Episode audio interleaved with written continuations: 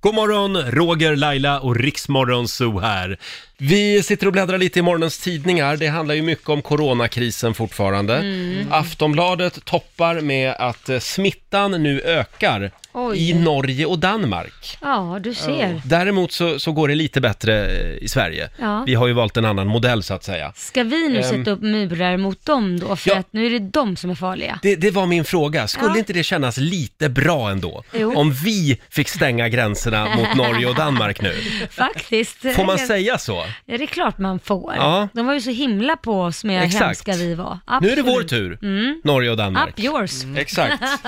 Sen undrar jag också, hur ska de göra, nöjesparkerna? Mm. Både Gröna Lund och Liseberg går ju på knäna just nu på grund av Mm. eh, coronakrisen. Ja. En nöjespark Mm. eh, som har eh, hittat en lösning, det, den ligger utanför Sao Paulo i Brasilien. Ja. Och det är också Aftonbladet som skriver om det här. De kanske har hittat en lösning.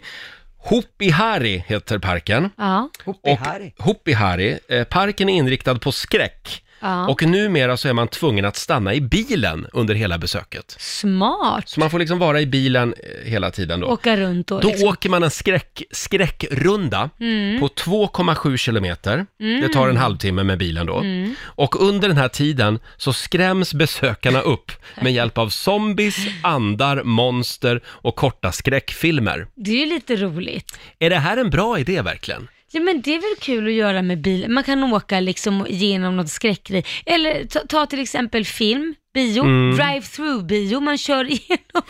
Ja, Ja, man kan ju ha drive-through på det mesta. Eller hur? Faktiskt, men jag menar bara att den som kör bilen, vad händer om den personen blir livrädd?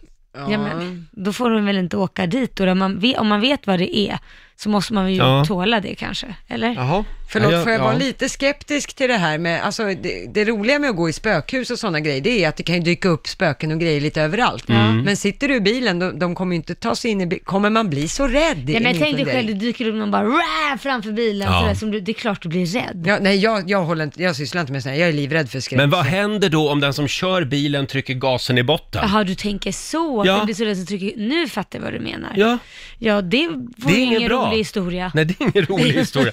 Vänder bra. du liksom börjar köra mot färdriktningen? Ja, kör ner spökena. Det är ju inte så bra. Nej, det, jag skulle inte ta jobb som ett spöke i den där parken. Det skulle Nej. jag inte göra. Men eh, Nej. eh, ja, det kan ju vara så att de är i någon tunnel också. Ja, så kan det vara också. Skulle kunna vara en idé för Trafikverket. Om man Ja. tar en del av Årstalenken i Stockholm till exempel